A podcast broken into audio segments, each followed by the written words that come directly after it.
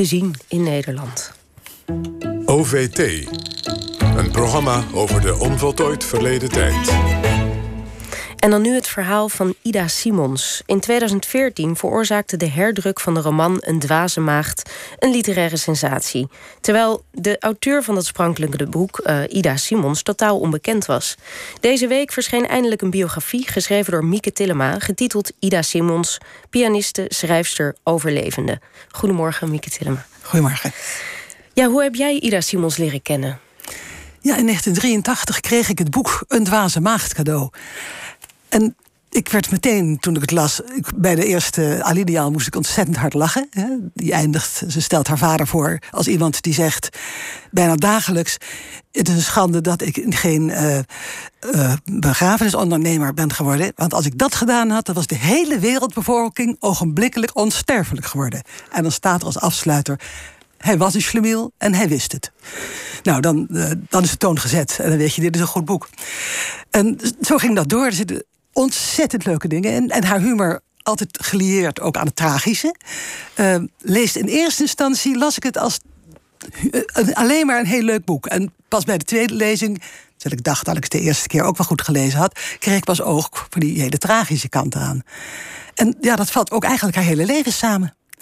Want kun je iets vertellen over haar leven? Wat, uh, je bent uh, al een tijd bezig met het, uh, met het boek. In 2012 ben je begonnen met schrijven. Ja. Wat, wat, ja, wat valt op aan haar leven? Um, de, de, het is voortdurend probeert ze met die humor het, het leed wat er is de baas te blijven. Ja. Ze noemt het zelf uh, in, een, in een gedichtje dat ze schrijft voor Adriaan van der Veen. Die heeft haar dat, dat boek Een Dwaze Maagd als eerste in 59 heel lovend beschreven. Want in 59 was het ook een hype. Hè? Dat is, het was niet alleen in 2014 toen het uitkwam ook. En die schreef zo'n mooie recensie in de NRC, jawel. En dan bedankt ze hem met wat ze noemt een, een, een rijm. En er komt een mooie regel in voor... humor is de kleurige lap die een wond moet bedekken dat vat ook haar leven samen. Want over die wonden gesproken. Ja? Misschien dat Jos daar ook heen wil. We willen precies kant Ja, um, ja uh, kun je vertellen waar zij wordt geboren en hoe zij. Want zij is Joods, ja. uh, maakt de oorlog mee. Ja. Wordt in Antwerpen geboren. Ja, ja, ik dacht met een Nederlandse schrijfster van één boek te maken te hebben. Maar het was een meisje dat geboren wordt in België, Duits is, want haar vader was een Duitser. Een moeder die Engels-Nederlands is. En uh, die helemaal ook geen schrijfster wil worden, maar pianiste. En inderdaad, van beide kanten een, een, een, zeer echt goed Joods milieu. Dat werd van beide kanten heel serieus genomen, ook, ook door haar. En dat heeft uh, uiteindelijk geleid ook tot die verschrikkelijke breuk in haar leven. Dus de grote césuur in haar leven is de oorlog. Maar het is niet zo dat daarvoor een vrolijke spring in het veld rondliep. Het was ook een meisje dat uh, je moet ook oppassen om het boek te zien als een, uh, een, stukje biografie. Dat is het niet, maar het is wel autobiografisch. En je schrijft natuurlijk niet een boek over je jeugd... waarbij dat verdrietige, toch eigenlijk een meisje, eenzaam... Uh, vecht huwelijk, ouders die op zonnefeestdagen ruzie maken... wat voor Joden extra erg is, want die hebben dubbele feestdagen. Dus dat schrijft ze dan ook op, hè? Dat, die lichte toon voor die treurige dingen. Er is ook een, een, een versje in haar poesie-album. Ze heeft een heel bijzonder poesie-album. Er staat geen gewoon gedichtje in van, van veetjes en engeltjes en god weet wat, en roze hartjes. Ze geeft mensen ook opdrachten, ze kon een beetje dwingend zijn. En er uh, zijn echt serieuze gedichten geschreven. Er zijn in het In het uh, Roemeens, in het Hebreeuws, in het Engels, uh, in het Frans en Duits zijn er gedichten geschreven. En ze begint met het boek, het poesiealbum, als het twaalf is. Meestal eindig je dan daarmee. Dus het zijn andere teksten. En een van de teksten is van haar lerares, die haar zowel muziek gaf als de Joodse lessen die Joodse kinderen mochten volgen om wat meer van het geloof af te weten. En die schrijft in haar van: neem het leven maar van de vrolijke kant. Die ergens komt vanzelf wel naderhand. Dat schrijf je niet voor een kind dat juichend door het leven gaat. Mhm. Dus het is ook in die tijd, los ook van het boek waarin het beschreven wordt, ook uit andere uh, zaken, zoals een poesiealbum. Want voor een biograaf is ook een poesiealbum geweldig bron. Dus die kant was er al, maar wordt versterkt door de oorlog. En ook door wat er na de oorlog gebeurt. Want dan heeft ze overleefd en dan uh, is eigenlijk het feit dat ze het overleefd heeft, maakt het zo moeilijk om nog door te leven. Want hoe verloopt die oorlog voor haar? Ja, nou ja, zoals alle Joden, de ene remmende beweging naar de andere. Het, wordt, het begint, het valt nog even mee, denken ze. Maar zij weet al meteen beter. Haar man zat bij de JCC, de Joodse Coördinatiecommissie. Uh, een soort van ja, een voorloper van de Joodse Raad, maar dan zonder enige inmenging van de Duitsers. Ze dat helemaal zelf. Probeerden ze de, de, Joodse slachtoffers die er waren, die uit Duitsland kwamen, om die op de een of andere manier te helpen.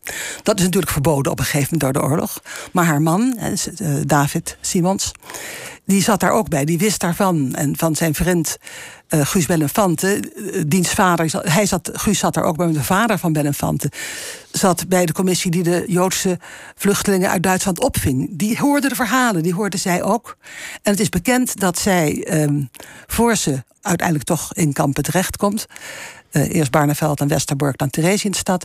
Maar vlak daarvoor begeleidt ze Lien Jaldati. Dat is de pseudoniem van uh, uh, Rebecca Brillenslijper. Maar die zong en danste en dan valt zo'n naam niet zo lekker. Het is een van die twee zusjes die beschreven wordt in Het Hoge Nest van Roxane van Ypres. Mhm.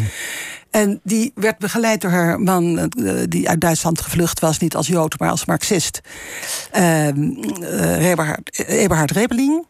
En die mag haar niet meer begeleiden. Die begeleidde haar, hij was pianist. Maar dat mag niet, omdat hij geen Jood is. En dan kiezen ze Ida Simons. Een zeer goede pianistin schrijven ze in het boek uh, Zakni de Hierlijn. In dat boek beschrijft Linda Dati dat vanaf het moment dat ze voor haar binnenkomt, zien ze het verdriet, de angst in haar ogen. En ze geeft meteen al aan: het gaat niet goed met ons maak je geen illusies. Ik heb gehoord wat er in de kampen gebeurt. En ze zegt letterlijk, althans volgens dat uh, biografisch boek van uh, Lien Dati en uh, Repling. Ik weet dat ze in de kampen de mensen niet alleen uithongeren en martelen. Er zijn gaskamers. Dat wist ze dus. En er zijn ook tal van andere bewijzen dat zij weinig er waren natuurlijk ook Joden die, omdat ze zo hoopten dat het goed zou gaan, ook nog wel zichzelf wijs maakten dat het goed zou gaan. Maar dat was bij haar geen sprake van. Nu overleeft zij de oorlog.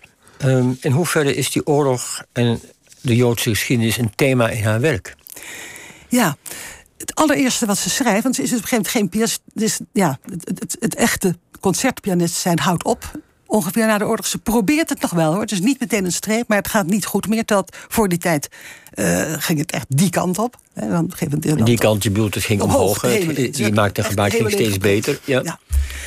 Maar dat wordt uh, nou, onder andere door de oorlog, zijn er andere oorzaken, maar onder andere door de oorlog zeer uh, teruggedrongen. Dat, dat, ze probeert het nog wel, maar het is voor, voor feesten en partijen dat ze op mag rijden. Eigenlijk nog maar één of twee keer uh, voor iets groots. En dan gaat ze wel schrijven. En het eerste wat ze schrijft zijn gedichten vlak na de oorlog bundeltje negen gedichten. Wrange-oogst 1940, 1945.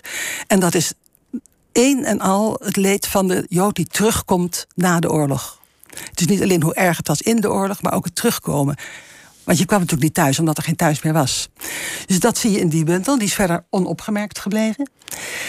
Dan krijg je in 56 een, uh, een kleine het heet novellebundel. Het zijn twee novellen. Van het eerste verhaal. De, de bundel heet Slijk en Sterren. En uh, het eerste verhaal is In Memoria Mitsi. En dat is apart ook uitgegeven als een apart verhaal, ook door Cossé. Nadat eerst een dwaze maagd uh, met veel succes was uitgegeven. En Oost Draren, in der tijd, in 1956. Dat boek haalt het niet. Het wordt uh, één grote recensie van Gresshoff, maar buitengewoon schoolmeesterachtig neerbuigend. Gresshoff was wel de autoriteit op dat ja, moment. Op dat als, moment werd het wel minder. Ja, ja, ja precies. Daar mag je blij mee zijn op dat moment. Ja. Maar in die tijd gaat zijn grote naam wordt minder, vooral omdat hij de, de 50ers heeft aangepakt. Bij de derde druk, druk van Atonaal zetten ze als reclame die slechte recensie van Gessel op. Dus uh, zijn grote faam werd minder. Maar op het moment zei ze op zich van... oh, Gessel schrijft over mij. Grote recensie. Ja, een belangwekkend, maar teleurstellend boek. En die recensie gaat over het teleurstellende. En dat boek, dat eerste verhaal, dat gaat dus over de oorlog. Dat, gaat over, dat speelt zich af in Westerbork en Theresienstad. En dat is ook behoorlijk autobiografisch. Over haar en haar zoontje. Dus uh, die oorlog speelt dan een rol. En het speelt vreemd genoeg wel degelijk, denk ik, een grote rol in een dwaze maagd. Um, omdat dat toch beschrijft, uh, haar hoofdthema noemt het zelf, um, het nabije verraad en de charme die van sommige mensen onweerstaanbaar uitgaat. En dat is wat hier gebeurt. De geweldige charme van die familie Mardel, de dochter en de vader. Ze mag er op een Steinway-vleugel spelen. Nou, dat is natuurlijk geweldig. Een piano met een ziel, zegt ze. En uh, nou, door die mensen die zo komen vertrouwd, waarvan je als lezer ook eerlijk het eerst echt alleen maar kunt denken: dat zijn nou eens de mensen. De moeder luistert niet haar. De vader gaat alleen met haar naar een museum en naar een, een, een dierentuin met stoffige aapjes. Maar deze mensen luisteren echt. Die, nemen dat serieus. Die vinden dat geweldig. Ze, ze bloeit op. En door die mensen wordt ze verraden en vervloekt en weggestuurd. En ik ben het helemaal eens met Adriaan van der Veen, die toen al in 59 schreef. Uh, in feite heeft ze dit ook geschreven om te laten zien wat mensen elkaar kunnen aandoen. Zoals mensen in de oorlog elkaar die dingen aandeden, omdat je geen mens meer was als Jood. Het loopt tragisch met haar af ook, hè? Ja. Ze sterft vlak na het enorme succes van een dwaze maagd, 1960. Heel onverwacht, ze is 49 eh, jaar. En het is niet bewezen dat ze dat zelf heeft afgerond, dat leven. Maar het is bijna niet te geloven dat het anders gebeurd is. Een leven dus, een biografie vol tragiek, maar ook veel humor. Dat uh, is je nou belofte. Nou uh, hopelijk krijgt Ida Simons met deze biografie de plaats die ze verdient. Mieke Tillema, hartelijk dank voor je komst. Het boek heet dus Ida Simons, pianiste, schrijfster, overlevende. En verscheen deze week bij Cossé. En dit was